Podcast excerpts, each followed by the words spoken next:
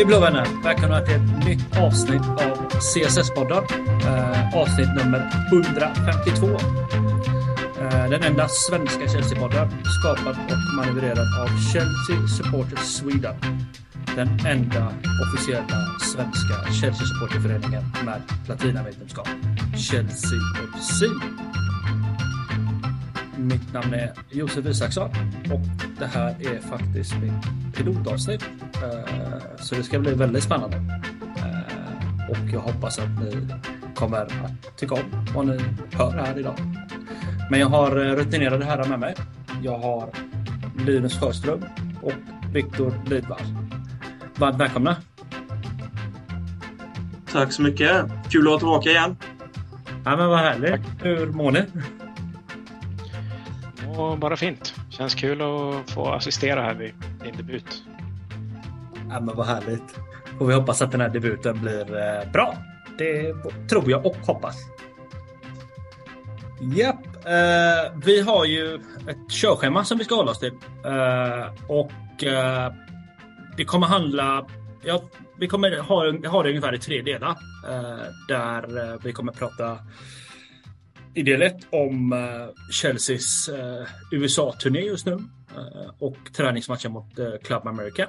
Eh, den andra delen kommer handla om eh, silly och eh, lite djupdyk i Khalidou Koulibaly. Eh, och den sista och tredje delen kommer handla om målsättningen den kommande säsongen och våra inledande matcher i Premier League. Och så kanske vi får tippa lite. Det brukar väl Linus vet jag tycker om. Ja, men det är, det är otroligt svårt att tippa var Chelsea hamnar, tycker jag personligen. För man vill ju alltid nå högst, men det finns några lag som är lite snäppet högre enligt mig. Men det, det kan vi hålla oss till slutet. Det tycker jag. Det tycker jag. Men eh, då tycker jag det är läge att sparka igång det här. Eh, Chelsea då som är på en USA-turné just nu. Eh, och eh, har redan spelat sin första träningsmatch mot Club America. Eh, men om vi börjar lite i änden, truppen som åkte. Eh, har ni, ser ni några överraskningar där? Eh, Linus, har du grottat dig lite i truppen som åkte? Ja, alltså, överraskande på så sätt det är mer att jag tycker att det är kul att få se de här spelarna man har längtat att få visa upp sig i tröjan igen. Och det är framförallt är det Coney Gallagher jag har ett extra öga på. Även att Cole är med, att Brocha är med. De här spelarna som gjorde det bra förra säsongen i sina utlåningar. Det är kul att de får med i truppen. Men idag kommer de senaste nyheterna att bland annat Gilmore återvänder till utvecklingslaget som är under A-laget som ska också ha i USA-turné. Så där är ett växer litet frågetecken om hans framtid i klubben. Och, men Empadu är också en sån spelare som jag tycker det är roligt att han får visa upp sig, för han har gjort det bra på utlåningar, speciellt nu senast i Italien. Han har varit en kugge och kan definitivt vara med och konkurrera bak, tror jag, efter att ha sett honom lite grann. Men annars generellt så tycker jag inte det är några större överraskningar, mer än att det är kul att vara igång igen, skulle jag säga. Härligt att höra. Vad eh, känner du, Viktor, eh, kring truppen som har rest till eh, Las Vegas, eh, om inte de har rört sig från Las Vegas eh, nu. Precis, ja, de är väl kvar där som jag förstår. Mm. Eh, men eh, förvåningen, den största förvåningen har väl lagt sig nu, det är några dagar sedan, men att eh, Kanté och Loftus-Cheek stannar hemma var ju en överraskning i negativ bemärkelse. Eh, och det är då eh, klarlagt att det är deras vaccinationsstatus som klubben själv formulerar det, eh, som stoppar dem från att komma in i USA. Och eh, enligt ISPN så krävs det ju minst två doser av covid-19-vaccinet för att komma in om man är över 18 år. Så då vet vi att de har en eller färre i kroppen. Och, ja, särskilt för Loftus-Cheeks del så tycker jag att det är så oerhört korkat när man har chansen att slå sig in i truppen på riktigt eh, och ta det beslutet.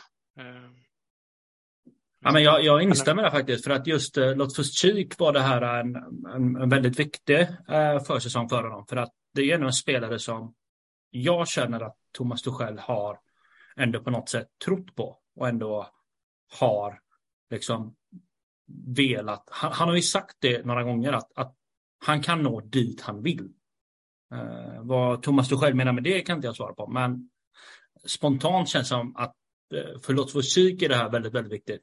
Eh, men jag tänker så här, att vi, om, vi, om vi går in på liksom, eh, matchen i sig då mot Club America, eh, så var det en li, lite små överraskningar i, i startelvan där. Eh, och det var ju att eh, ja, överraskningar och överraskningar, men det var ju kul i alla fall att eh, Chilwell är tillbaka. Eh, så det var ju en laguppställning som var en form av 3-4-2-1 kan man säga.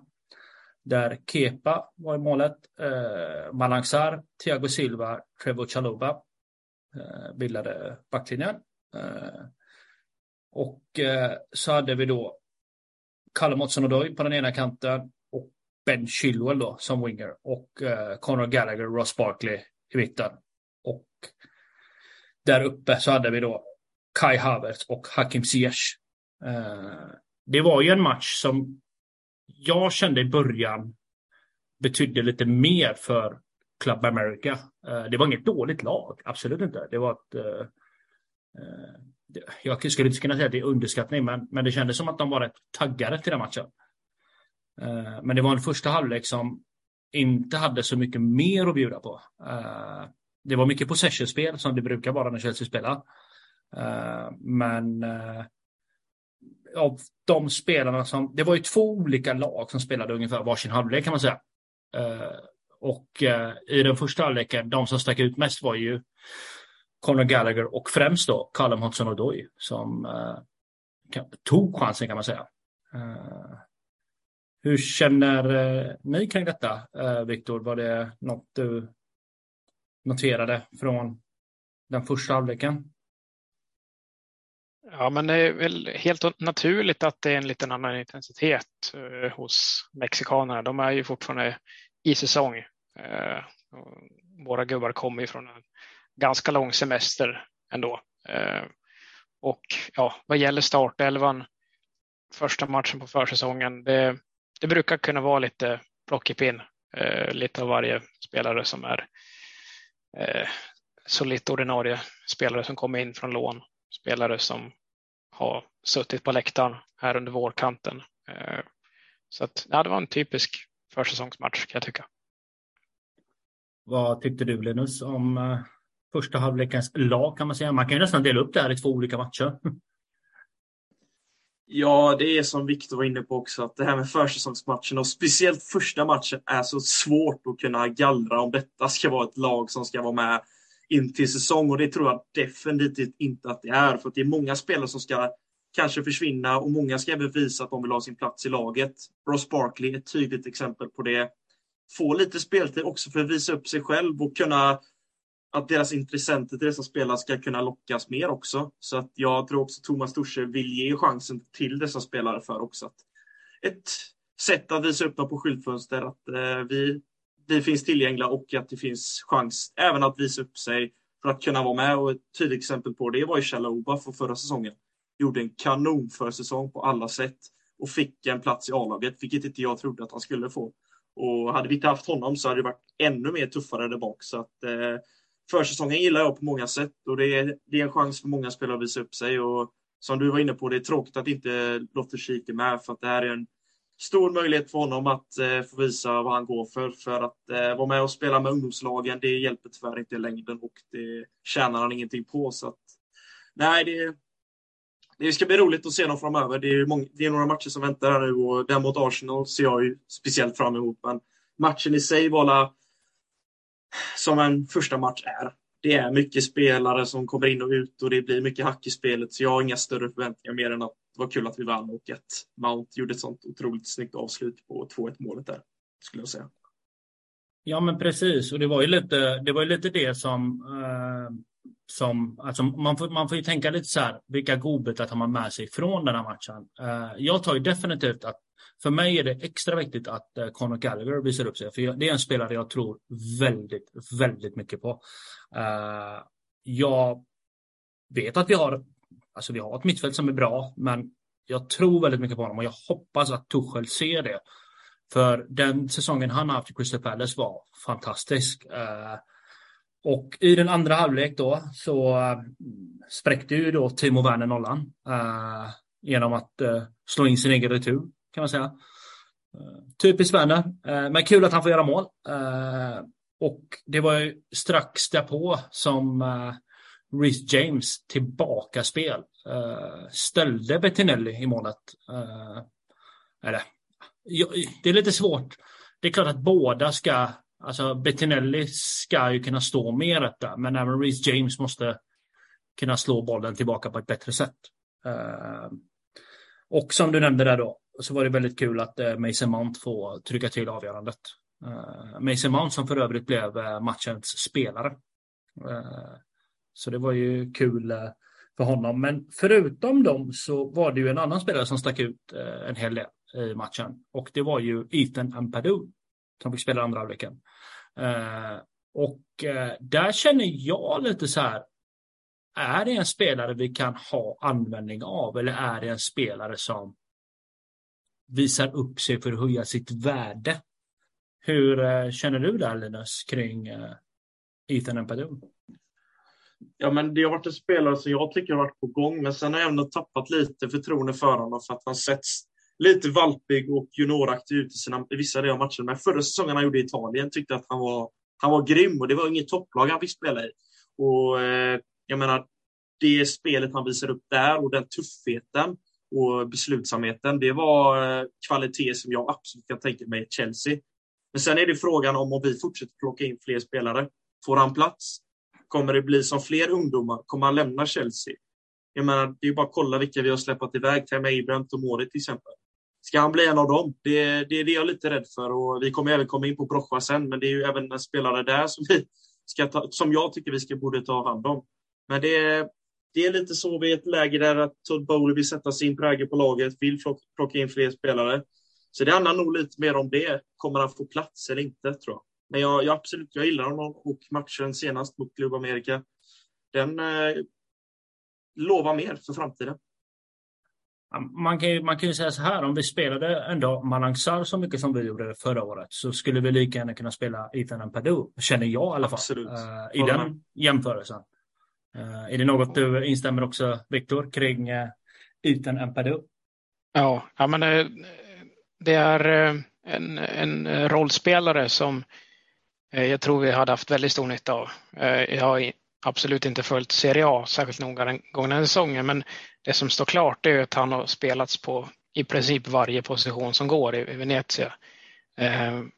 Han har ju fått mycket speltid under bältet. Venezia åkte förvisserligen eh, förvisso ur, men eh, är det någonting som jag tar som värdemätare är ju ändå hur måste säga, den lånande klubbens supportrar tar emot spelaren. Och han verkar ju väldigt uppskattad eh, där borta. Och det var ju likadant till exempel med Reece James i Wiggen. Snack om att han var klubbens bästa spelare någonsin när han var på besök. Så att, eh, jag tycker det ser lovande ut. Ja, men bara, den uppfattningen kan man eh, verkligen dela där. Att, eh, men det är som sagt en lång säsong och eh, jag tycker väl spontant att bredden i vår backlinje kanske inte är så bra som den borde vara. På så sätt så borde ju Ethan Perdue kunna få en plats i den backlinjen. Eh, men vi kommer gå in lite närmare på spelare som eh, är på väg in och ut ur, eh, ur klubben. Eh, men eh, fortsättningsvis så har Chelsea matcher mot Charlotte FC och Arsenal. Torsdag klockan 01 respektive söndag 21.00 innan man reser till Italien för att möta Udinese fem dagar senare. Och det är också en avspark till 21.00. Eh, men Arsenal blir en godbitare där. Eh, att få ställa små. Eh, men om vi går in lite kring det här med truppen i USA-turnén där så var det rapporter idag från The Sun att Brocha, Harvey Whale, Billy Gilmore och Ann Shorin har lämnat truppen. Eh, och eh, det är ju lite oroväckande för att just Brocha har ju ryktats ganska mycket bort idag. Eh, och eh, det är ju en spelare man hade velat se lite mer av, i synnerhet just nu då med tanke på att vi inte har en, en, en renodlad nia. Liksom. Uh, har du lite mer insyn i det Viktor kring eh, Armando Brocha om vi börjar i den änden? Jag har väl det. Uh, och det är bekräftat från flera källor, bland annat uh, Evening Standard, då, att den här kvartetten uh, har lämnat A-lagets försäsong. Men eh, enligt både eh, The Guardian och The Telegraph så uppges ju Brocha vara nära West Ham, eh, att de ska ha eh, förbättrat sitt bud som ursprungligen var på 30 miljoner pund. Men att de är självsäkra på att landa den övergången. Så att det eh, verkar som att Brocha inte kommer göra resten sällskap med U23-gänget, tyvärr. Ja, det är väldigt tråkigt. Och sen eh, även eh, Billy Gilmore där. Eh, som, ja visst, det kanske hade utlåning kanske hade varit mer ultimata, men det på något sätt ändå så hade man velat se. Han hade ju i och för sig ingen bra säsong Eh, förra säsongen, Billy Gilmore i Norwich, eh, som åkte ut. Men man hade ändå velat se lite mer från honom för att han sitter på en, en talang som jag tror han kommer växa i rätt miljö. Eh, sen om Chelsea är den rätta miljön, det kan inte jag svara på, tyvärr.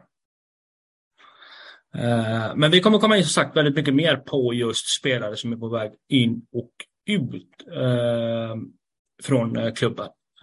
Och då kommer vi prata lite även Billy Gilmore. Då. Är det något mer vi behöver ta med oss från uh, den första matchen eller känner vi oss nöjda uh, med USA-turnén? Första jag, tycker har, jag tycker vi har summerat dem på ett bra sätt. Det är, det är som sagt i första matchen och jag tycker inte man kan säga så mycket mer än det vi har varit inne på. Att det, är, det är många spelare och det roteras mycket. Så det blir nog, truppen kommer sätta sig mer och mer desto längre, desto längre vi kommer mot säsongen tror jag. Ja, men vad härligt. Då är det läge för eh, del, den andra delen där. Och där vi kommer prata en hel del silly season. Uh, och spelare in, spelare ut. Uh, och även var, vilka kommer vi landa? Vilka kommer skeppas iväg? Vilka kommer lånas ut? Det är väldigt mycket som händer där. Uh, och det stora utropstecknet då som har varit veckans stora snackis. Uh, inte bara i Chelsea-lägret utan i hela England. Det är ju då Khalidou Koulibaly som blev eh, klar för Chelsea. Eh, en fantastisk värvning om eh, man frågar mig där. Hur eh, känner du Linus kring Koulibaly? Det tycker jag är en perfekt värvning och det spelar vi verkligen kan få in på ett bra sätt i den här truppen. För man vet ju tidigare vad han gjort i Napoli. Det är en spelare vi har jagat i många år och det känns som det aldrig skulle bli av, men äntligen blir det det. Det har ju varit varje säsong nästan att Koulibaly har varit på tapeten till Chelsea och det känns nästan lite overkligt att han är äntligen klar. Och jag läste en intervju med Jorginho idag där han också öppnade upp lite mer om att det kommer inte ta lång tid för att Koulibaly kommer in i ett lag för att han har de här ledaregenskaperna och även rutinen som behövs för att spela den trebackslinjen. Och jag tror att han kommer komma in på ett mycket bra sätt, för han är kvick för att vara så stor. Och eh, en kvick backlinje behövs, och speciellt att Silva har inte riktigt den speeden. Och jag tror att de två kan bli en riktigt bra duo tillsammans med ytterligare en mittback som jag tror kan bli antingen Kimpembe eller om vi får in Kobe till slut. Men det är en värvning som jag gärna har sett över längre tid att vi ska få in och det, det är skönt att vi har plockat in honom och det är spelare som burit kaptensbindeln som vet hur man agerar och eh, styr ett lag. Så att det är en perfekt värvning i mina ögon. Det är fem av fem utan att överdriva. Det var väldigt fina betyg Linus. Eh, Viktor, hur känner du? Är det en fem av fem eh, för din del också? Eh, jag var ursprungligen lite förvånad när ryktena började komma där. Eh, just med att vi väldigt länge haft en policy kring spelare som är över 30. Men vi har ju ett nytt styre på plats som eh, uppenbarligen verkar tänka annorlunda. Och jag, spontant tänkte jag väl också att det, varför värvar jag honom nu och inte för tre, fyra år sedan? Som sagt, det har eh, varit en lång följetong det här. Men eh, bevisligen så var han ju med i årets lag i Serie A för den gångna säsongen så att eh, han håller ju nivån 2022 också. Så att, eh, det, det kommer bli bra det här. Han är ju, han är ju som sagt 31 år gammal eh, och kontraktet som sträcker sig är väl på fem år eller fyra plus ett. Eh, som jag läste där. Eh, och eh, jag har ju en del vänner som tittar väldigt mycket på Serie A så jag har ju varit lite påtvingad där till att titta på Kolibali och de andra eh, lagen i Serie A. Eh, och han, säsongen 1920 var ju hans absolut bästa säsong. Uh, och det var ju då han riktades till alla klubbar, mer eller mindre. Uh, men alltså, jag skulle inte kunna säga, alltså min personliga åsikt, jag skulle inte säga att han är på väg ner. Men det känns som att han har nått sin absoluta topp. Men jag tror fortfarande att han är en kanonvärvning. Uh, han är ju en ledare. Och jag tror han kommer bli ännu bättre bredvid Thiago Silva. Jag tror att vi kommer kunna få in Chaluba där ännu mer också. Jag tror att han kommer göra hela backlinjen bra. Enda oron som jag ser på Koulibaly är att han har varit lite skadedrabbad. Uh, I synnerhet de senaste säsongen. Han missar omkring 10 till 12 matcher varje säsong. Thiago Silva kommer inte kunna spela varje match heller. Så att det, det är ju lite där oron finns. Men uh, det är en, en, en riktigt klippa för den summan också. 40 miljoner euro. Det, det är en väldigt bra affär. Eh, men den uppfattningen som eh, jag har fått då, det är ju för att det Ligt som ryktades väldigt mycket till Chelsea valde Bayern München. Tror, tror du Linus att, att Koulibaly var någon sorts andra val? Att vi desperat gick in och försökte ta honom? Eller tror du att Koulibaly var med i, i det här valet redan från början, men att de kanske var första valet? Ja, från början skulle jag nog säga att det var ju Kondé som vi har varit och jagat otroligt mycket och den affären har gått i lås från och tillbaka. Nu har det dragits upp igen, men eh, därefter tror jag att det är Dilicht och jag tror Kolabali också varit med i den topptrion där diskussionen. Det är bara nog inte, vi har ju inte läst mycket om just den affären. Men sen tycker jag att det är kul när det går så snabbt och så effektivt i både förhandlingar och viljan att man vill till en klubb. För jag menar, man har läst om Kondé, han vill inte till Chelsea, Delicht, nej, jag vill till Bayern München. Då lockas jag hellre av en spelare som faktiskt vill till en klubb där saker och ting går lite mer rakt och inte så mycket mer diskussion mer än att han vill till Chelsea. Och det känner jag är en stor trygghet och eftersom att han har de kvaliteterna han har så tycker jag att det är ändå en övertygande spelare som kommer till oss. Och eh, sen om han var första, andra val, jag vet inte. Eh, kanske inte första, men absolut ett av de toppnamnen för att det är en klassspelare. Och som du också var inne på, att jag följer också CDA ganska noga eftersom jag gillar kolla Zlatan, så det blir mycket Serie A, eh, Milan, men eh, även mycket Napoli. Och där är han ju en spelare som eh, en back som få ta sig förbi på ett enkelt sätt. Så nej, jag ser mycket positivt i värmningen, men eh, visst, han är 31 år, men jag tror det behövs rutiner bak för att därefter lyfta fram de yngre spelarna också. För förra säsongen gjorde vi en del misstag i det defensiva och han tror jag kan minimera det på ett bättre sätt faktiskt. Ja, men lite så är det ju. Och vi, det, som, det som är, alltså, vi har ju släppt Kristensen, vi har ju släppt Rudiger. Eh, Aspilicueta har ju ryktats en del bort. Och uh, jag läste någonting igår, om det var på ja, osäker liksom vart, vart källan är faktiskt. Men, men att eh, han skulle kunna vara nära Barcelona också. Uh, så jag menar, vi, vi, vi behöver fylla på där. För annars finns ju risk att, att det blir Malang som spelar i premiären mot Everton. Uh, och uh, för det, det, det, som jag kan känna lite spontant så här, att, att Thiago Silva, han var ju extremt bra förra säsongen. Alltså det, det skulle kunna varit säsongens spelare. Men han är ju 38. Eh, nå, någonstans där kan man väl känna lite att Alltså kommer vi våga, kommer Tuchel våga att spela honom så ofta som han gjorde? För jag fick den uppfattningen om att Thiago Silva spelade nästan lite för ofta. På grund av att Tuchel kände att nej men jag har ingen annan. Uh, är det något du delar också Viktor kring uh, just att vi behöver alternativ där bak med tanke på Thiago Silvas höga ålder? Att vi inte kan räkna med att Thiago Silva kommer spela eh, 40 matcher den här säsongen?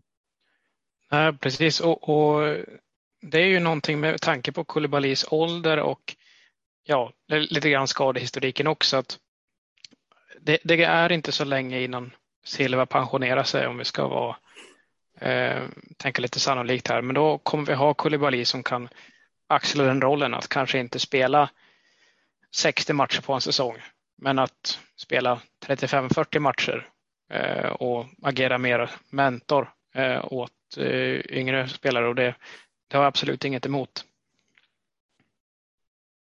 Ja, men definitivt. Och, men, men då kommer vi in på nästa del då av de försvararna då som ryktas till Chelsea. För det är ju en del. Uh, Kim Bempe är ju det senaste som kontakt har tagits mellan Chelsea och Paris Saint-Germain. Uh, och uh, det som är kruxet i Kim Bempe-värvningen där. Eh, jag kan ju börja med att säga att jag, jag ser honom som en klockren värvning. prislappen, ja.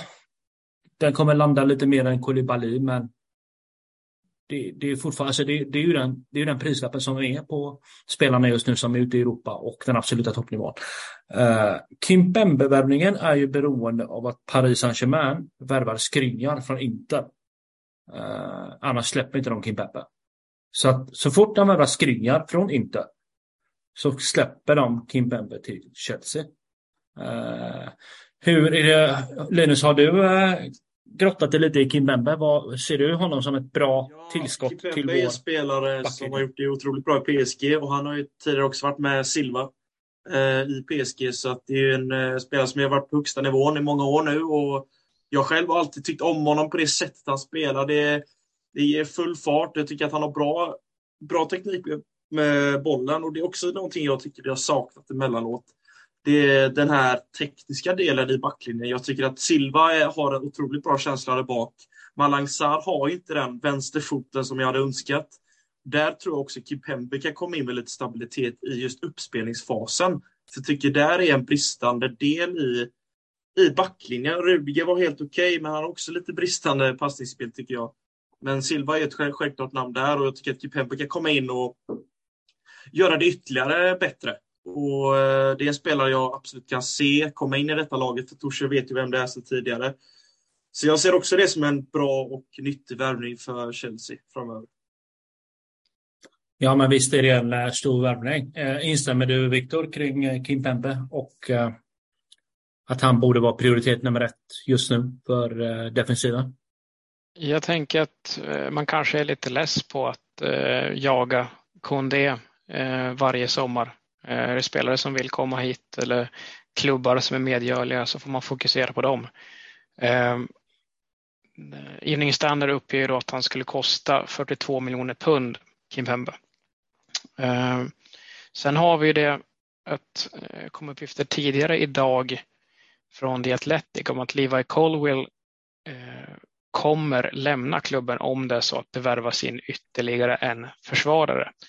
Och ja, nu kan man tycka vad man vill om att en 19-åring, eh, förvisso akademiprodukt, men sätter det ultimatum mot eh, sin klubb. Men det, det, det, blir ju trångt på de positionerna eh, om det värvas in ytterligare spelare. Och jag kan väl förstå att han blir lite uppgiven när han ser det som kommer in. Ja, men definitivt. Och men samtidigt så har vi blivit, har vi blivit av med Kristensen och Rudiger och eventuellt Aspilicueta. Så har du tre spelare ut. Vi får in Koulibaly, Kimbembe. Jag tror fortfarande att Julius Kondé skulle kunna vara med på radarn. Uh, nu har inte jag läst så mycket om honom på senare tid. För det var ju det började pratas om honom efter att Delicht skrev, mer eller mindre blev klar för Bayern München. Uh, att, men att vi fortfarande vill ha vi vill landa både Kim Bembe och Jules Kondé. Uh, eh, och jag tror det är välbehövligt med tanke på det sättet vi spelar också, att vi har den här trebackslinjen. Uh, eh, så tror jag att vi behöver, för jag, jag räknar ju med att Silva kanske är med 60 procent av matcherna, 65. Uh, eh, med tanke på ålder och, och allt vad det heter. Men jag kan ha fel, jag hoppas jag har fel. Jag hoppas Silva spelar varje match, för jag tycker han är fantastisk. Uh, en spelare dock som vi också var intresserade av, men som inte verkar ha kommit överens uh, med Chelsea. Eller det senaste jag läste var väl att Chelsea har dragit tillbaka sitt intresse. Det, var, det är ju Nathan Ake som uh, var mer eller mindre överens om, om ett kontrakt i Chelsea. Eh, och det läste jag på The Athletic då. Eh, är det någonting som är, är, vi glada över det? Eller vad, hur känner vi liksom som ändå har vi har väl lärt oss ett och annat till Lukaku där med återvändare tillbaka i klubben hur det går. Eh, delar du den uppfattningen Viktor kring eh, Nathan Ake? För jag, jag är glad att det inte blev av egentligen. Ja, alltså det är väl inget vi behöver sörja eh, egentligen. Han har ju varit första vikarie i City och det, det är ju inga dåliga spelare som är det såklart. De har ju en otroligt bred trupp.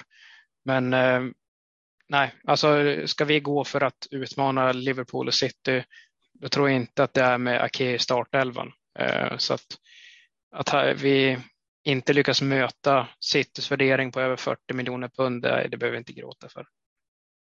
Nej, litet överpris kan man känna kring eh, honom. Men, men det jag tror att du själv hade kunnat använda Ake som, det är ju ett att han är vänsterfotad. Uh, nummer två är att han kan användas både i en trebackslinje samt på en avlasta Ben Chilwell då på andra kanten. Så att uh, det, det är en spelare du kan använda lite överallt. Men för den prislappen så hade jag ju definitivt gått för Kimpembe eller ja, höjt budet på Julius Condé kanske till och med. Uh, och det, det kanske är för att vi ärrade kring att ha återvändare i våra klubb. Mm. Ja, det kostar ju inget att släppa fram en Colwell till exempel i det fallet och ge han en 5-10 matcher. Eh, om det så bara är kuppspel. Det, det är gratis. Definitivt. Uh, och fler spelare då som har ryktats in då eh, Sergej Gnabry från Bayern München. Men eh, det verkar ha försvunnit nu med tanke på att Gnabry har förlängt med Bayern München. Eh, och det kan man ju tycka är ganska klokt med tanke på att Lewandowski lämnade. Eh, vad säger du Linus om Gnabry? Hade det varit ett tillskott som vi hade kunnat ha användning av eller är det en av de här yttrarna som vi redan har? Ja, det ryktet kom ju från ingenstans egentligen. Jag tyckte att det, det dog ganska snabbt också eftersom att det var på tapeten att han skulle möjligtvis förlänga med Bayern München. Så jag såg inte jättestor trolighet i det heller. Men eh, det är silly season så allt kan ju hända. Men jag ser ju de spelarna vi har just nu, plus att vi har fått in Sterling, är bra alternativ som kan utvecklas. För jag menar, Hudson alltså, är en spelare jag ser har denna säsongen på sig att visa upp nu vad han går för. Och eh, jag tycker att vi har, vi har några alternativ på kanten som, vi, som duger och jag tycker att med Sterlings eh, ankomst till laget så tycker jag att vi är starkare uppe. Givetvis kan vi plocka in en gubbe till, men jag ser inte att det är Gnabry som vi har störst behov av just nu. Så nej, jag grät ju inte direkt över den där eh, missen om man säger så. Men eh, han, han kommer stanna i Bayern München och det vet vi, så att det är ingenting jag kommer fundera vidare över egentligen. Något som fick mig att fundera dock över, det var ju eh, när ryktet om Cristiano Ronaldo eh, blossades upp. Eh, för det är ju mer en spelare vi hade haft användning av eh, med tanke på att vi behöver någon som gör mål. Eh, även om jag personligen hade... Jag tycker inte vi ska ta in honom för det går emot lite det vi vill bygga. Och det är, ingen, det är ingenting som jag tror kommer hålla i tre, fyra år till. Eh, hur, eh, hur ser du på det Linus? Hade du kunnat tänka dig att vi betalar den summan och den höga lönen för uh, han hade väl varit bäst betald i hela Chelsea om han hade kommit Cristiano Ronaldo. Jag har funderat lite på detta alltså förra avsnittet vi spelade in, men jag tycker nästan det blir sån här amerikansk grej att det ska bli så stort och man vill få in ett stort namn utan att det är något slags framtidstänk. Det är en gammal spelare, ja visst han har två säsonger kvar kanske i sig på högsta nivån. Sen kommer han ju sakteligen åka på mer skador, även om han är otroligt vältränad. Men kroppen blir ju äldre och det är ju bara så att eh, den kommer försämras och det kommer bli färre mål. Men eh, det kändes mest som att det kan bli en sån här amerikansk grej att det ska vara stort. Vi ska sälja mycket tröjor, få ut mycket pengar på det sättet och att han ska bli en pelare för Chelsea och eh, mest bara för att han är ett stort namn. Så jag ser hellre att vi bygger på sikt och satsar på de här yngre förmågorna, för det har vi. Det hade som sagt det varit en spelare, då hade det handlat om Ronaldo hela tiden. För vi har ett lag med många bra spelare, så att jag tänker ändå att det är nog det bästa beslutet att inte plocka in honom. Eh, vi har ett bra lag och det kan behövas fler spelare in, men inte Ronaldo. Det tycker jag nu när jag har tänkt på det vidare. Men det är väl lite det här med, som du nämnde då, amerikanskt, men också det att Bowley vill ju ha statement-värvning. Nu tycker jag att statement-värvning, Raheem Sterling är ju definitivt statement-värvning. Ja. Uh, Koulibaly är definitivt i mina ögon statement-värvning. Uh, men det som jag har läst att vi ska, uh, Bowley och Tuchel vill ha in sex stycken nya spelare. Uh, vi har fått in två. Jag gissar ju på att det blir minst en försvarare till. Eh, om vi går in lite på, jag vet att det pratades lite i förra avsnittet om det, men eh, realistiska värvningar. Eh, inte drömvärvningar, för då kommer vi börja prata om Declan Rice. Och det är inte jag så sugen på, för jag vill inte ha Declan Rice till Chelsea. Jag tycker att vi kan få för den pengen bättre fotbollsspelare. Men om vi kollar lite på de realistiska värvningarna som skulle kunna komma till Chelsea. Eh, Viktor, är det Kimpembe? Är det Jules Condé? Är det den banan vi bör tänka? Eller hur? Har du något annat namn som du tänker skulle kunna vara realistiskt? Eller kommer vi... Eh, fråga nummer två där, eller A och B-fråga där. Eh, B-frågan där, det är att kommer vi rotera nummer nio positionen på Timo Werner, Kai Havertz, Raheem Sterling? Eller kommer vi ha en nia till slut ändå? Eh, nej, jag tror absolut att det är de två fransoserna som det är mest konkret kring och egentligen är det svårt att ta upp något annat namn för det som skulle vara lika nära Chelsea i dagsläget. Eh, jag vet, The Guardian då som var de här som drog upp eh, möjligheten att ta in Gnabry till exempel. De nämnde också Rafael Leao i Milan men sagt, eh, eh, de är inte alls lika konkreta rykten så som de här mittbackarna gör gällande. Eh, jag hade inte haft något problem med att se Kai Havertz som spjutspets nästa år. Jag tycker Chelsea har spelat sin bästa fotboll under Tuchel när han på papper har varit längst fram, frankerad av två släpande forwards eller tior eller vad man kallar dem. Eh, vi, vi provade att ta in en centertank, gick inte vägen.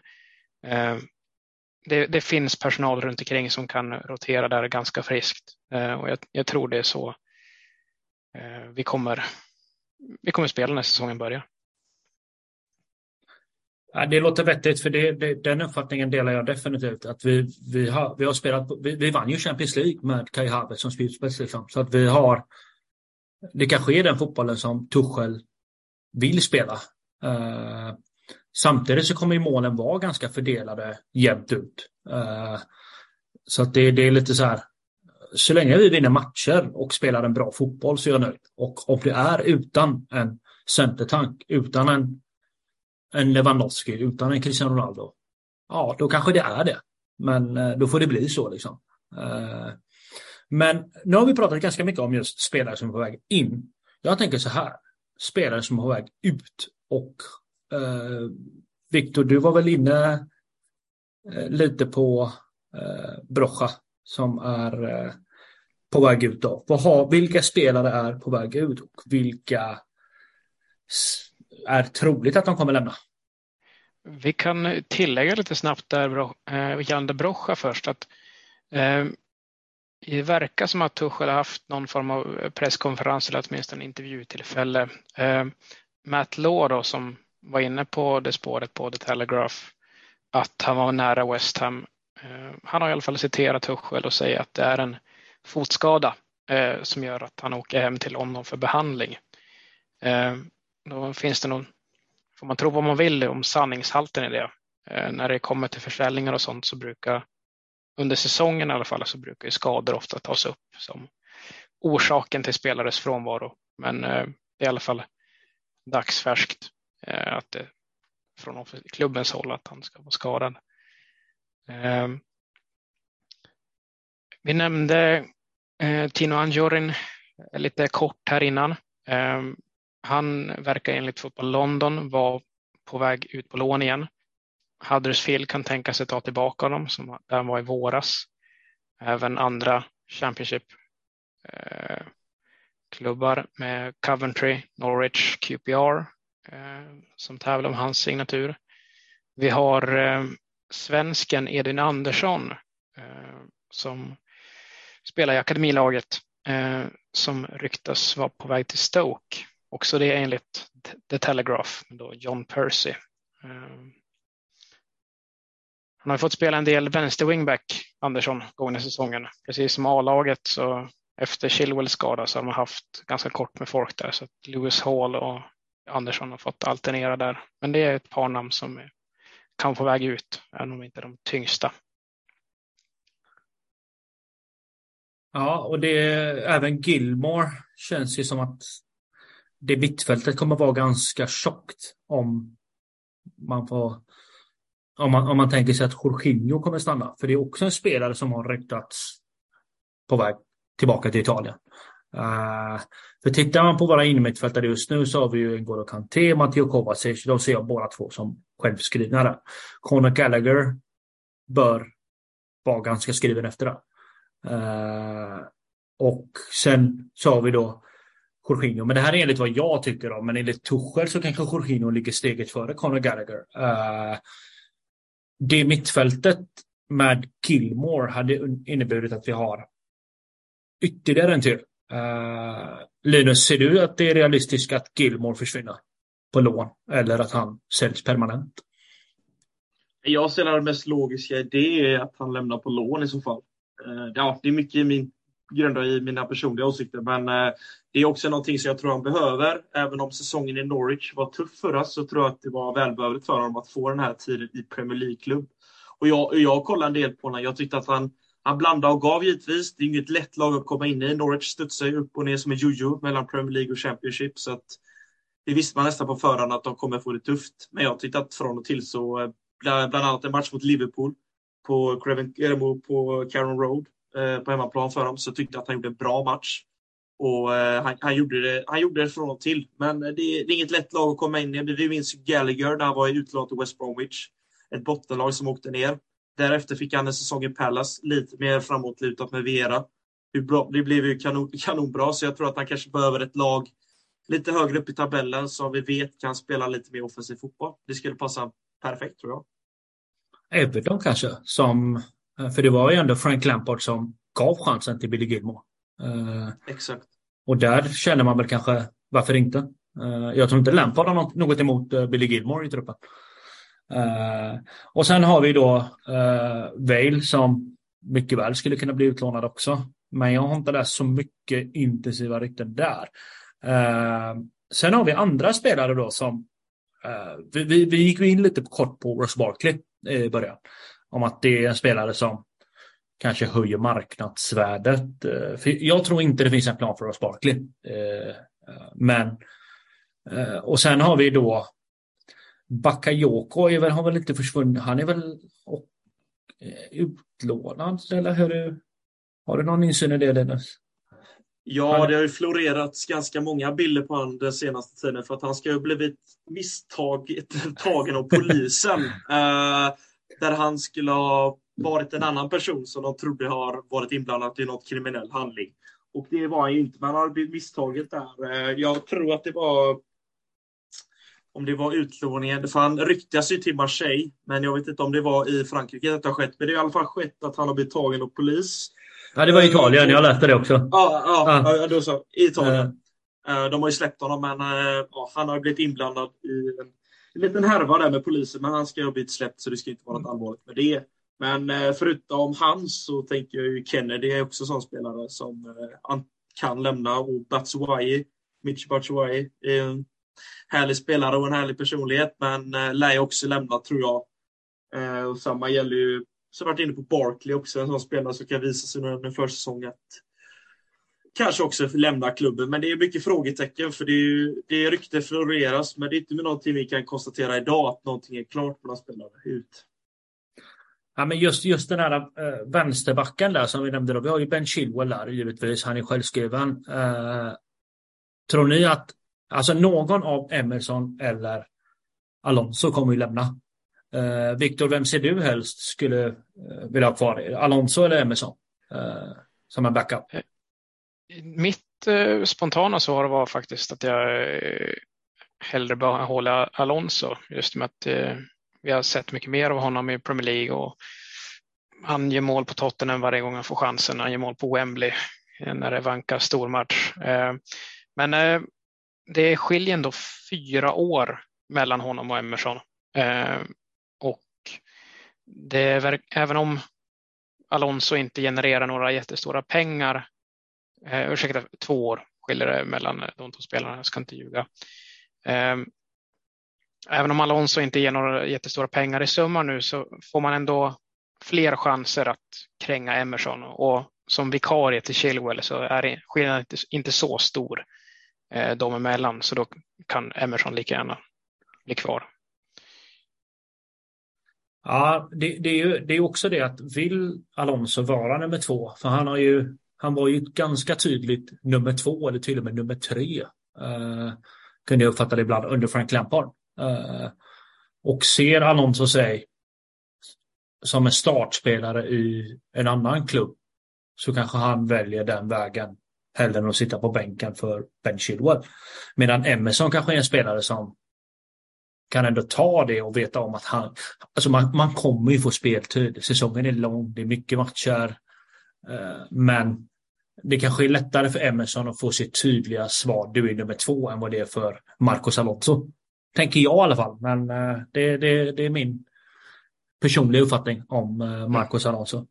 En annan ja. spelare som faktiskt blev klar för Chelsea var Omari Hutchinson. Eh, han lämnar Arsenal och återvänder till Cobham där han tillhörde i ung ålder. Eh, sen om han lånas ut eller inte, det, det återstår att se. Men vi kan väl gissa på att han kommer att lånas ut. Eh, det är väl inte någon spelare som vi ser, eller som jag tror att Tuchel ser att han kommer slå sig in i, i truppen och börja fightas om platser. Instämmer du Viktor? Precis. Eh, om det blir eh, U23-gänget eller om det blir utlåning med en gång, det återstår att se. Men eh, nej, det är ingen som konkurrerar om en plats i A-truppen. Det är inte. Härligt. Då har vi fått en liten genomkörare på rykten som har florerat. Det finns ju säkert mycket mer som inte vi har kommit in på. Det känns som att ganska många spelare ryktas till Chelsea just nu och det är ju faller naturligt med tanke på att vi har släppt eh, lite spelare och att Bowley vill eh, liksom starta sin nya era.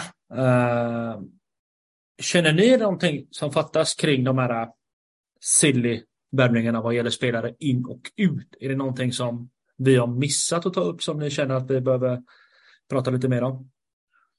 Nej, jag tänkte bara fylla lite det med Alonso som du var inne på där. Att, eh, jag tror att han, för han är ju, Fabrizio Romano har ju varit inne på att både Aspilicueta och Alonso har riktat till Barcelona. Och jag tror att Alonso blir ju både bänk i Chelsea bakom Chilwell, men även i Barca bakom Alba. Så jag tror det handlar mycket om vad han själv känner, vad som motiverar han mest. Och det, personligen sett skulle jag ju varit kvar i Chelsea och fightat. Det beror ju lite på vad som händer med Emerson. För i Barca, Alba är ju ganska skriven där i starten och de är nästan i samma ålder, så eh, där får han det nog tuffare. Eh, för i Chelsea tror jag han kommer få speltid i cuperna bland annat. Eh, men eh, Chilwell kommer ju efter sin långa skadetillstånd så tror jag också att han kommer att matchas in och kommer även tas av. Och då är Alonso ett perfekt alternativ att kunna stabilisera och även komma in, även om han brister lite i det försvarsmässiga spelet ibland. Men jag tror att för han personligen sett, för han själv, så tror jag att han borde stanna kvar i Chelsea. Men det är mycket som ryktas, men eh, det var bara en tanke jag hade där på eh, Alonso. Ja, men det kan jag instämma helt också Men Jag tror att Aspilicueta har större chans att ta en eh, startplats i Barcelona än vad eh, Alonso har. Eh, och det känns som att det är sjukt mycket mer matcher i England än vad det är i Spanien. Och som du nämnde där också att skadehistoriken på just Chilwell, att vi kommer behöva vi kommer inte kunna spela Chilwell de första tio matcherna, liksom 90 minuter varje match. Så att vi behöver ha någon där som, som kan uh, täcka upp för honom. Uh, men här är en liten intressant fråga. Sl uh, släpp, att släppa Aspilicueta, uh, hur... Alltså för mig är det lite jobbigt att släppa honom. Men samtidigt ändå logiskt med tanke på att jag tycker faktiskt att han har gått ner sig samtidigt som jag älskar Aspilicueta som spelare, som person. Och han ger verkligen allt för klubben. Och det, det är liksom så här. Han kom till klubben, var det 2012 efter våran Champions League-seger? Alltså hur, hur, hur, känner, hur känner du Linus? Alltså, vill, vill du, är du beredd på att släppa Aspilicueta eller vill, vill, du, vill du ha honom där som ett andrahandsval?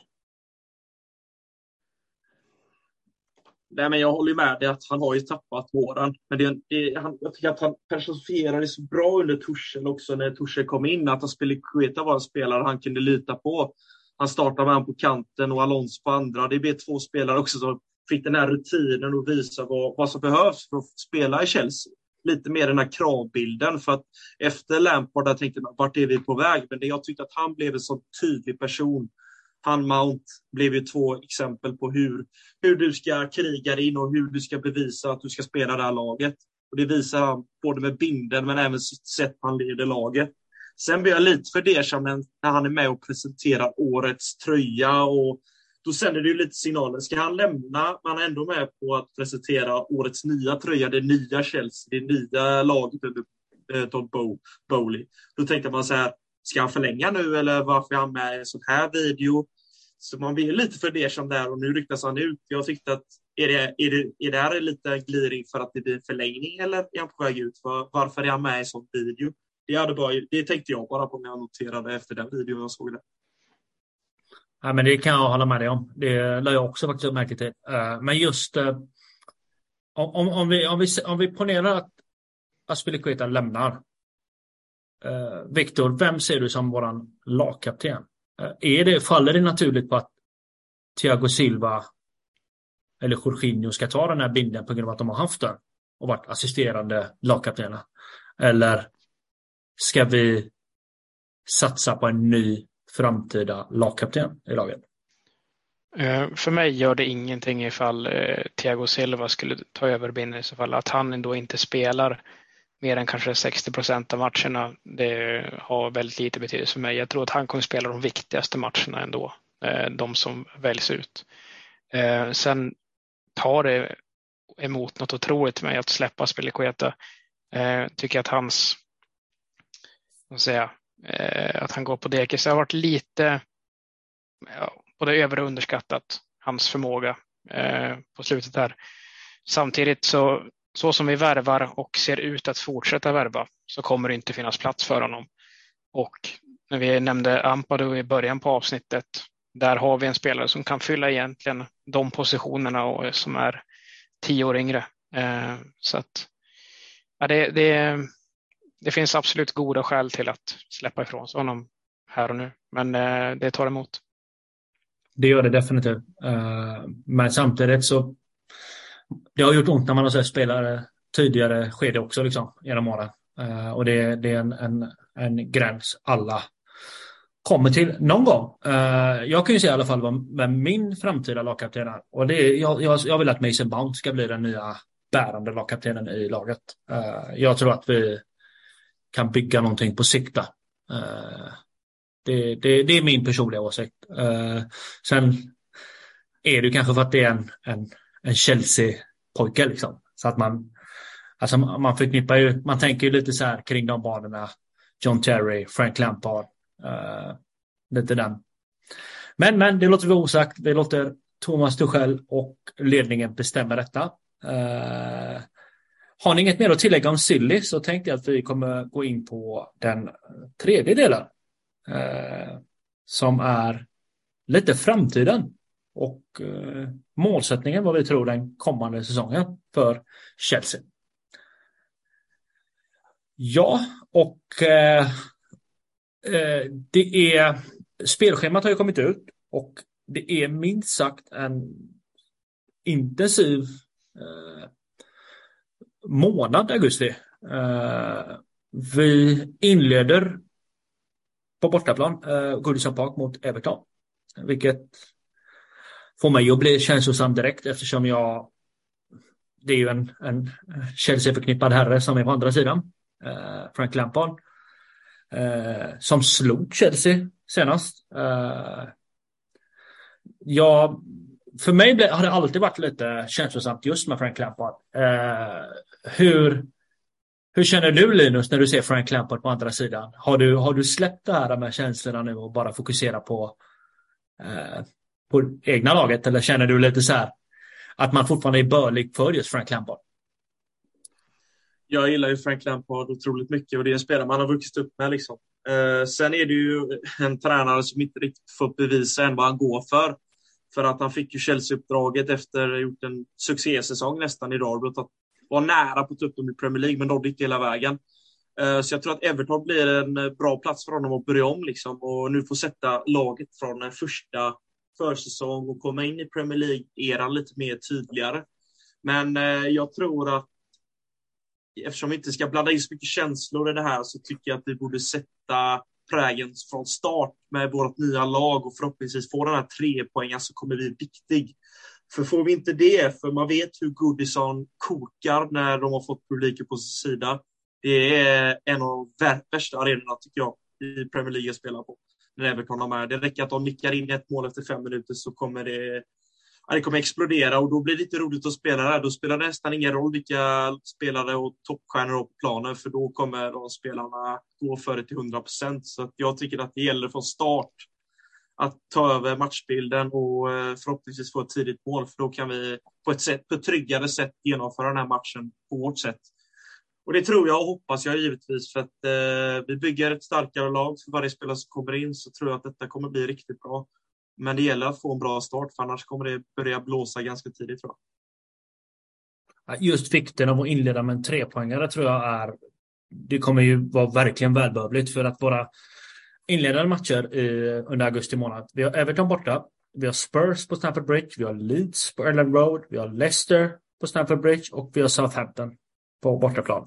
Uh, så att det inleda med en trepoängare inför Spurs på Stamford Bridge. Det, det hade varit jävligt skönt tror jag. För annars sitter vi i en sjukt dålig sits om vi tappar poäng mot Everton och inte slår Spurs. Uh, för Spurs har ju verkligen uh, rustat upp med värvningar. Uh, som ni även talade om i förra avsnittet. och just Rikallison som de har tagit in har ju Everton tappat. Så om vi ser det positiva så har vi en chans på Everton där, liksom, att de inte har Rikallison. Men eh, eh, hur, hur ser du, Victor, på just Chelseas inledande matcher? Är det, är det ett spelschema som är godkänt? Eller hade du jag tycker det är ganska välbalanserat. Alltså det kommer bli en, eh, det är fyra matcher som blir en ganska duktig värdemätare för vad man har för ambitioner Eh, den här säsongen. Ehm, kommer vi till tippandet så kommer jag fortsätta vara en obotlig optimist. Men eh, även eh, Everton mot Lampard som sagt blir lite där på hjärtsträngarna. Sen kommer två verkliga antagonister i form av Spurs och Leeds. Så att, det är en bra mix. Verkligen. Och, men om vi, om vi kollar lite på hur hur, hur vi ser liksom på den kommande säsongen och vart vi står.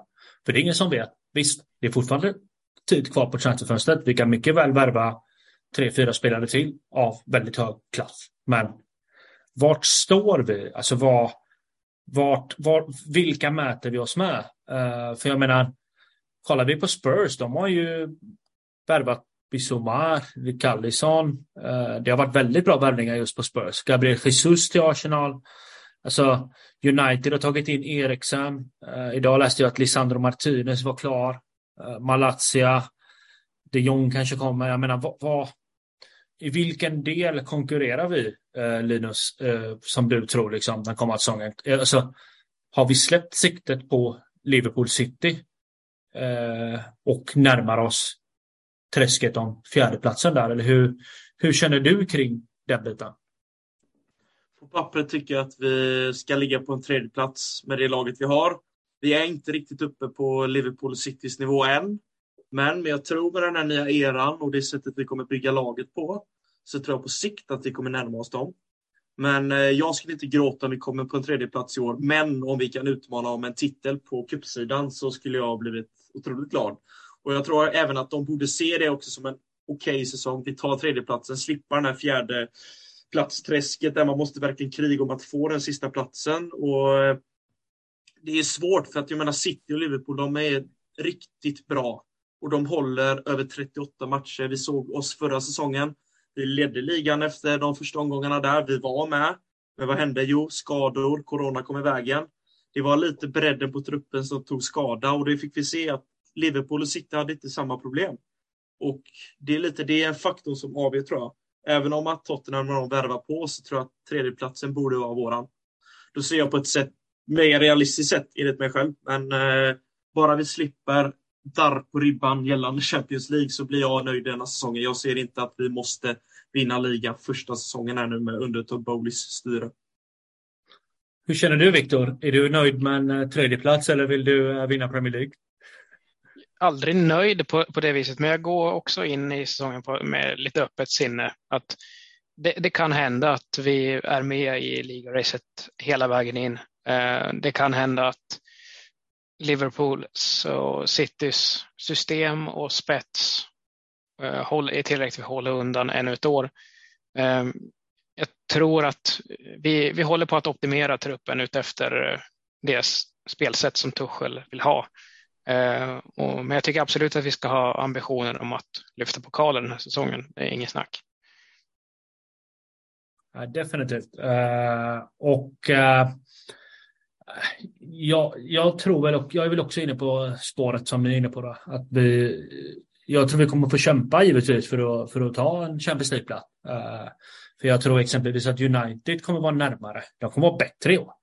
Uh, under Ten Hag. Så att vi får, vi får se där, vi får se upp. Uh, men jag, jag, känner väl också lite spontant att vi är bakom City och Liverpool. Men vi är också före Spurs, Arsenal, United. I, i där vi är idag liksom. Och eh, Sen får vi, men om vi, om vi kollar, om vi spånar lite på idén där just kring eh, vi älskar ju att gissa lite. Uh, en realistisk startelva mot Everton i premiären.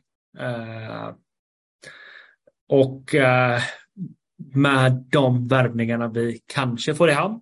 Eh, jag tänker så här. Eh, jag kan börja och så eh, bollar jag frågan till er så får vi se om ni håller med. första stora frågan jag alltid ställer liksom kommer Tuchel fortsätta variera mellan sin trebackslinje och fyrbackslinje beroende på motstånd. Jag tror att så kommer att vara fallet. Utgångsformationen är en trebackslinje. Eller en fembackslinje, hur man nu väljer att uppfatta det. Eh, men i vissa matcher kan man spela en fyrbackslinje. För just Koulibaly, det är en spelare som bara har spelat i en fyrbackslinje. Det är ingen spelare som har spelat i en trebackslinje. Men jag tror med hans rutin och erfarenhet att han kommer lösa det galant och spela i en trebackslinje. Men eh, om jag säger så här då. Madi i målet och en backlinje bestående av Thiago Silva, Koulibaly, Chaluba. Vad säger du Linus? Ja, nu på förhand så tycker jag det känns som en rimlig trebackslinje. Eh, och det är kul att man har Chaloba där genom att han är ung. Och så bredvid sig har han två mer rutinerade spelare som kommer lära honom ett och annat. Och nu har han haft sin säsong där han har fått känna på det. Och jag tror bara han kommer växa med den uppgiften. Så jag håller med. Jag tycker Härligt. också att det är högst sannolikt med tanke på att ja, det lär ju komma in ytterligare försvarare, men det kommer vara ännu närmare in på säsongspremiären. Så jag, jag, tror absolut att de tre kan vara de som och så har vi då, utgör äh, den första. Då, som flankerar. Det är ju ganska självklart att det är Ben Chilwell och Reece James. Uh, mittfältet, Viktor. Uh, jag är lite nyfiken på hur du skulle kunna se någon realistisk innermitt där. Ja, ja, det är ju väldigt spännande som sagt med Conor Gallagher som kommer in som ett nyförvärv. Eh, jag är ju ganska ambivalent till vart han kommer användas. Eh, så som han har forsat fram för Palace så skulle jag nästan kunna se honom i en fronttrio. Samtidigt så har han ju varit så effektiv just för att han har påbörjat sina löpningar från innermittfältet och kanske sluppit en del bevakning. Eh, nu tror jag att eh, rutin borta på Goodison kommer väga tungt. Eh, så att den eh, bekanta duon eh, Jorginho och Kovacic är ju inte alls otrolig. Eh, men eh, ja, Gallagher har ju tillfällen att visa upp sig så han skulle ju kunna slå sig in där, absolut. Ja, jag hade ju hoppats på att slippa ha in eh, Jorginho i den elvan. Uh, inget illa emot Jorginho. Allt han har gjort liksom för Chelsea och allt det här. Liksom. Det, det är en fantastisk fotbollsspelare. Uh, men jag hade gärna velat se Conor Gallagher där. Uh, jag hade velat se honom faktiskt tillsammans med Kanté och Kovacic som en sorts sexa. Ungefär. Eh, men eh, ja, eh, det är min åsikt också sagt. Men hur, Linus, där framme då? Har vi är det Kai Havertz som bär fram oss som nya. Ja, men det tycker jag. Och det är någonting också att inleda den här nya eran, när jag har varit inne på tidigare, men att ha Kai Havertz där, för jag tror att det är en spelare på sikt som kommer göra mer poäng. Han är ung, han är lika gammal som jag och få spela i Premier League och eh, kommer ju lära sig ännu mer denna säsongen. Nu har jag haft två säsonger här i Chelsea och man vet ju vad han har gjort tidigare i Leverkusen. Jag menar, nu börjar han ju känna, han vet vilka spelare han har bredvid sig och nu kommer han dessutom få en Sterling som jag hoppas givetvis kommer starta med Mount. Då. Den trion i mina ögon på sikt är ju otroligt bra, otroligt sexigt på pappret. Det är Sterling som gör mål och assist säsong efter säsong. Mount gör också mycket poäng. Och jag tror att det kan generera ännu mer poäng för Havertz. För jag tror att han kommer få mer assistpoäng av Mount och Sterling än vad han kommer få av Werner och Hudson Odoi. Även Ziyech. Eh, så jag tror det är den trion jag vill se mot Everton eh, första matchen. För det där är fart, frenesi och även mycket jag tror att de strävar alla tre efter att göra en bra säsong här nu och gör ännu mer poäng. Så att jag tror att Sterling kommer sätta en stor prägel här fram och även kan bli en ledare för de två andra i det offensiva spelet ganska tjockt där framme när jag tänker efter nu. Vi har ändå, mm.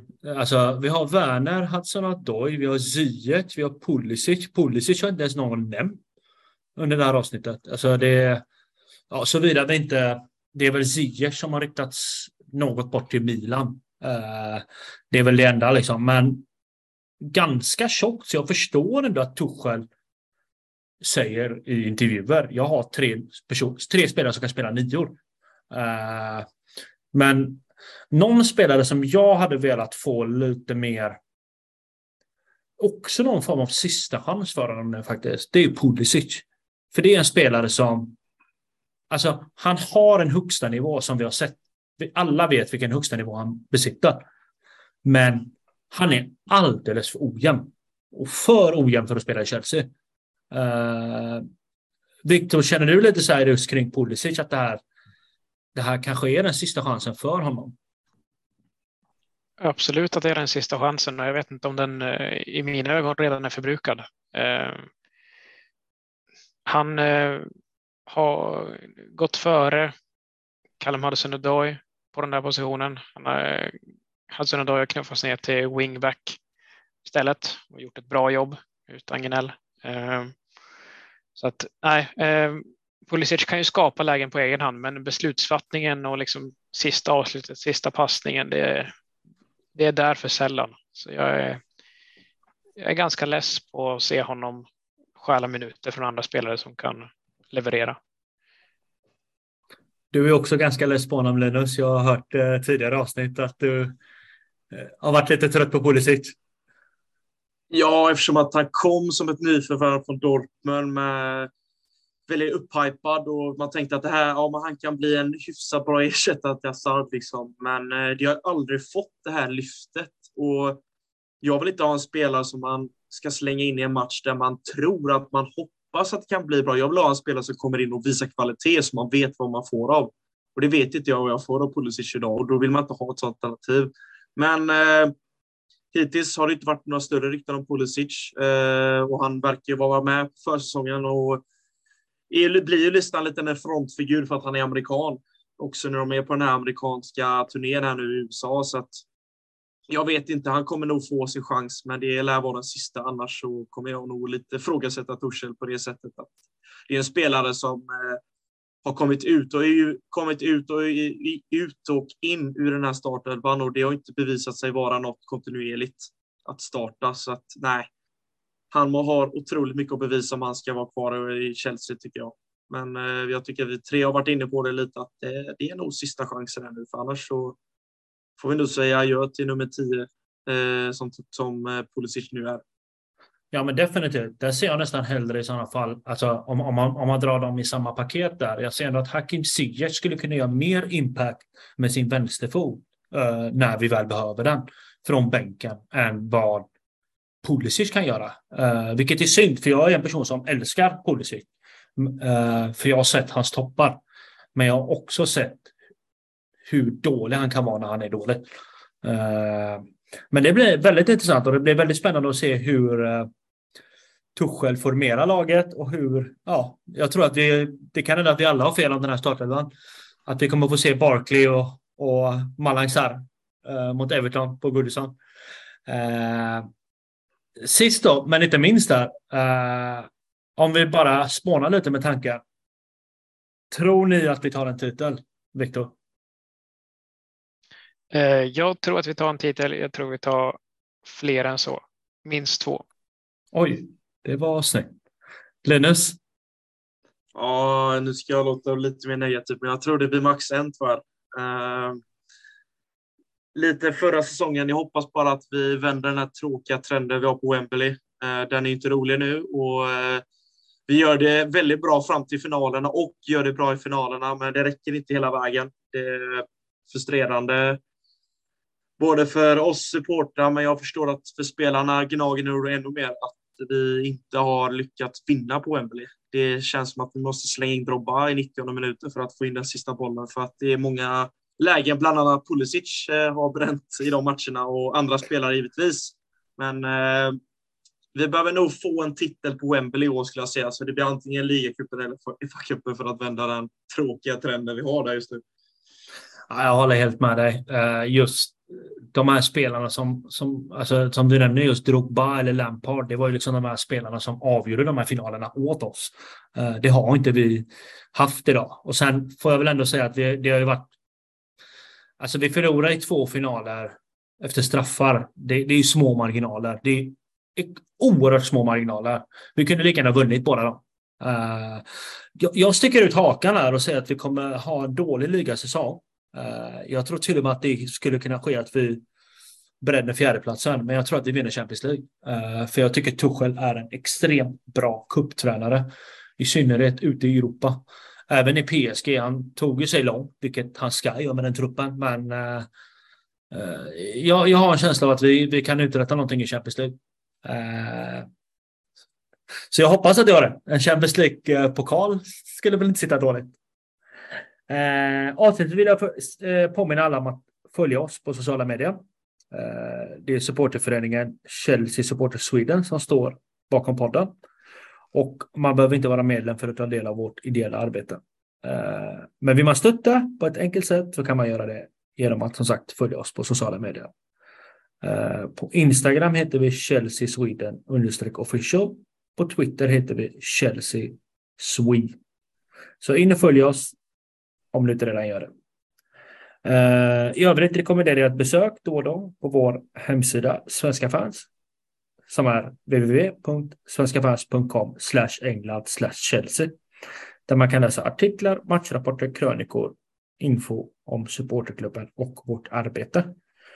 Eh, om du lyssnar på podden och ännu inte blivit medlem i CSS-podden-gruppen på Facebook så kan jag varmt rekommendera det också.